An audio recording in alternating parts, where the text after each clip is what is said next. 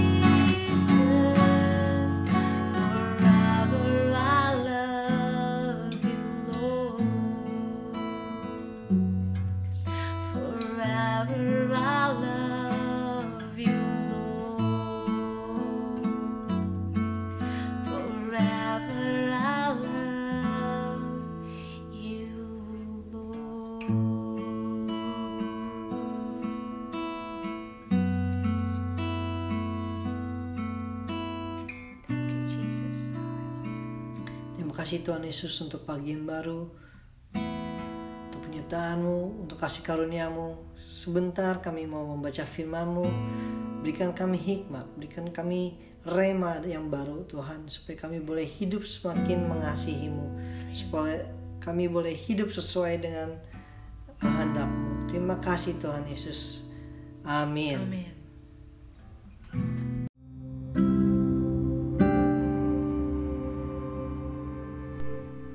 Para Rasul 27 Paulus berlayar ke Roma Setelah diputuskan bahwa kami akan berlayar ke Italia, maka Paulus dan beberapa orang tahanan lain diserahkan kepada seorang perwira yang bernama Julius dari pasukan Kaisar.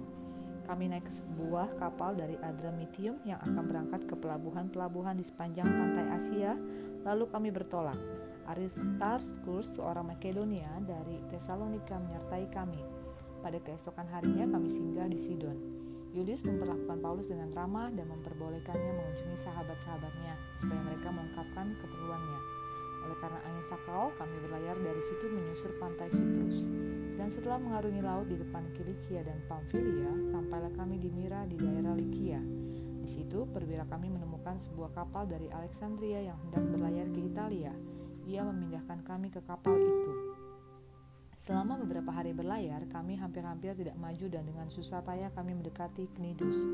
Karena angin tetap tidak baik, kami menyusur pantai kereta melewati Tanjung Salmone. Sesudah kami dengan susah payah melewati tanjung itu, sampailah kami di sebuah tempat bernama Pelabuhan Indah dekat kota Lasea. Sementara itu, sudah banyak waktu yang hilang. Waktu puasa sudah lampau dan sudah berbahaya untuk melanjutkan pelayaran. Sebab itu Paulus memperingatkan mereka, katanya, Saudara-saudara, aku lihat bahwa pelayaran kita akan mendatangkan kesukaran-kesukaran dan kerugian besar, bukan saja bagi muatan dan kapal, tetapi juga bagi nyawa kita. Tetapi perwira itu lebih percaya kepada jurumudi dan nahkoda daripada kepada perkataan Paulus. Karena pelabuhan itu tidak baik untuk tinggal di situ selama musim dingin, maka kebanyakan dari mereka lebih setuju untuk berlayar terus dan mencoba mencapai kota Phoenix untuk tinggal di situ selama musim dingin.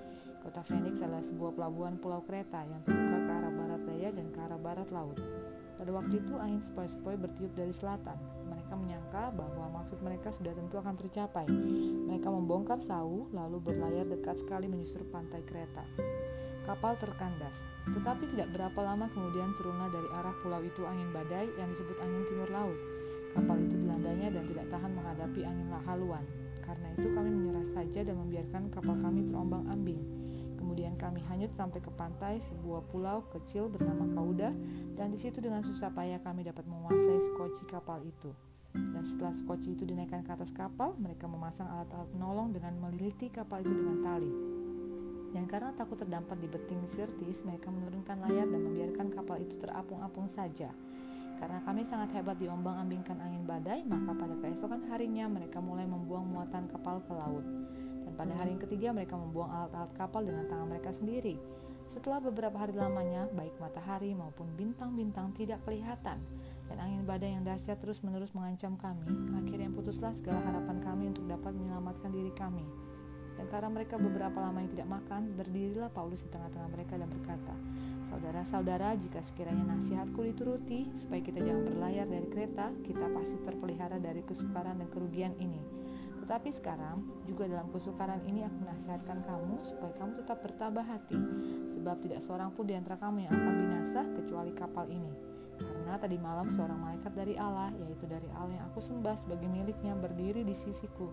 Dan ia berkata, jangan takut Paulus, engkau harus menghadap kaisar. Dan sesungguhnya oleh karunia Allah, maka semua orang yang ada bersama-sama dengan engkau di kapal ini akan selamat karena engkau. Sebab itu tabahkanlah hatimu, saudara-saudara, percaya kepada Allah bahwa semuanya pasti terjadi sama seperti yang dinyatakan kepadaku. Namun kita harus mendamparkan kapal ini di salah satu pulau. Malam yang ke-14 sudah tiba dan kami masih tetap terombang-ambing di Laut Adria. Tetapi kira-kira tengah malam anak-anak kapal merasa bahwa mereka telah dekat daratan. Lalu mereka mengulurkan batu duga dan ternyata air di situ 20 depa dalamnya. Setelah maju sedikit mereka menduga lagi dan ternyata 15 depa. Dan karena takut bahwa kami akan terkandas di salah satu batu karang, mereka membuang empat sau di buritan. Dan kami sangat berharap mudah-mudahan hari lekas siang. Akan tetapi anak-anak kapal berusaha untuk melarikan diri dari kapal.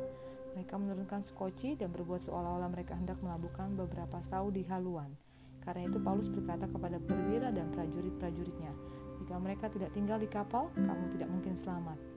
Lalu prajurit-prajurit itu memotong tali skoci dan membiarkannya hanyut. Ketika hari menjelang siang, Paulus mengajak semua orang untuk makan. Katanya, sudah 14 hari lamanya kamu menanti-nanti saja, menahan lapar dan tidak makan apa-apa. Karena itu aku menasihati kamu supaya kamu makan dahulu. Hal itu perlu untuk keselamatanmu. Tidak kehilangan sehelai pun dari rambut kepalanya. Sesudah berkata demikian, ia mengambil roti, mengucap syukur kepada Allah di hadapan semua mereka, memecah-mecahkannya lalu mulai makan. Maka kuatlah hati semua orang itu dan mereka pun makan juga. Jumlah kami semua yang di kapal itu 276 jiwa. Setelah makan kenyang, mereka membuang muatan gandum ke laut untuk meringankan kapal itu. Dan ketika hari mulai siang, mereka melihat suatu teluk yang rata pantainya. Walaupun mereka tidak mengenal daratan itu, mereka memutuskan untuk sedapat mungkin mendamparkan kapal itu ke situ. Mereka melepaskan tali-tali sau lalu meninggalkan sau-sau itu di dasar laut. Sementara itu mereka mengulurkan tali-tali kemudi, memasang layar topang supaya angin meniup kapal itu menuju pantai. Tetapi mereka melanggar busung pasir. dan terkandaslah kapal itu. Haluannya terpancang dan tidak dapat bergerak dan buritannya hancur dipukul oleh gelombang yang hebat. Pada waktu itu prajurit-prajurit bermaksud untuk membunuh tahanan-tahanan supaya jangan ada seorang pun yang melarikan diri dengan berenang. Tetapi perwira itu ingin menyelamatkan Paulus, karena itu yang menggagalkan maksud mereka dan memerintahkan supaya orang-orang yang pandai berenang lebih dahulu terjun ke laut dan naik ke darat, dan supaya orang-orang lain menyusul dengan mempergunakan papan atau pecahan-pecahan kapal. Demikianlah mereka semua selamat naik ke darat.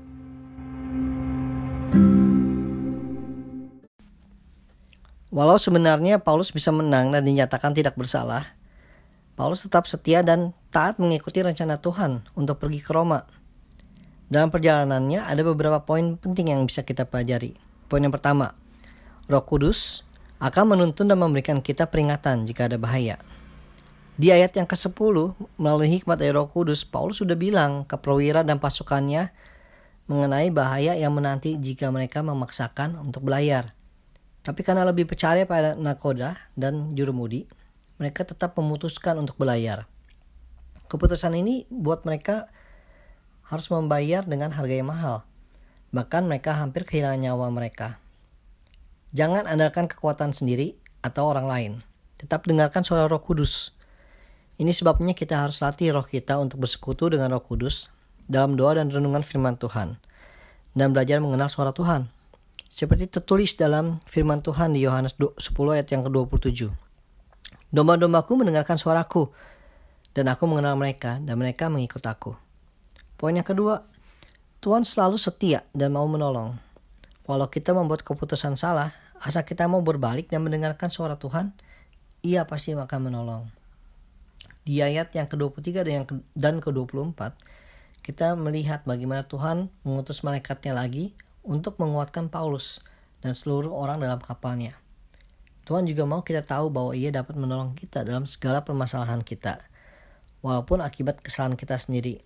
Yang harus kita lakukan adalah bertobat dan kembali masuk ke dalam perintahnya. Ikuti suara roh kudus dan percaya pada Tuhan. Ia pasti akan menolong kita. Poin yang ketiga. Untuk mengurangi beban, mereka membuang barang-barang dari kapal di ayat yang ke-32, setelah mendengar Paulus, para perwira mengambil keputusan untuk membuang semua skocinya. Dalam masa pandemi ini, kita semua masuk dalam masa sanctification, di mana kita semua dibersihkan dari segala ikatan dosa, dibersihkan dari hal-hal yang sebenarnya nggak penting, dan justru menjauhkan kita dari rencana yang Tuhan miliki untuk hidup kita. Sekoci menggambarkan backup plan. Tuhan mau kita menggantungkan harapan kita hanya pada Yesus dan bukan pada yang lain. Dan yang terakhir, setelah mereka percaya pada Paulus dan mendengarkannya, di ayat yang ke-35, Paulus menguatkan mereka dengan mengajak mereka untuk makan. Fokus pada masalah akan menguras habis tenaga kita. Kendalikan fokus kita pada Tuhan dan tetap bersyukur pada Tuhan dalam keadaan apa pun. Maka kita akan segera melihat pertolongan Tuhan itu nyata bagi setiap kita yang berharap padanya. Oke, rema yang saya dapat di kisah para rasul 27 ayat 20, 22 sampai 25. Kita tahu ya apa yang terjadi pada Paulus dan semua orang yang ada di kapal itu. Kapal terombang-ambing akibat angin badai dan mereka melakukan berbagai macam usaha untuk menyelamatkan diri mereka sampai akhirnya di ayat 20 dikatakan dalam bahasa Inggris at last all hope was gone. Akhirnya semua harapan hilang. Mereka udah nggak tahu apa yang harus mereka lakukan don't know what to do. Tapi lihat apa yang Paul katakan kepada mereka. Dan dia katakan ini dua kali. Dalam bahasa Inggris, take courage. Teguhkan hatimu. Karena malam itu malaikat datang dan berdiri di samping Paulus dan berkata kepada Paulus, jangan takut. Dan malaikat itu kembali mengingatkan bahwa Paulus akan pergi ke Kaisar. Paulus percaya kepada Tuhan bahwa semua yang akan terjadi seperti apa yang Tuhan katakan. Mirip ya seperti yang kita alami tahun ini, badai itu rasanya kencang sekali menerpa kita melanda seluruh dunia akibat pandemi COVID-19. Kita melakukan berbagai upaya untuk survive, and mungkin ada di antara kita yang sudah mulai merasa hilang pengharapan, nggak tahu mau ngapain lagi.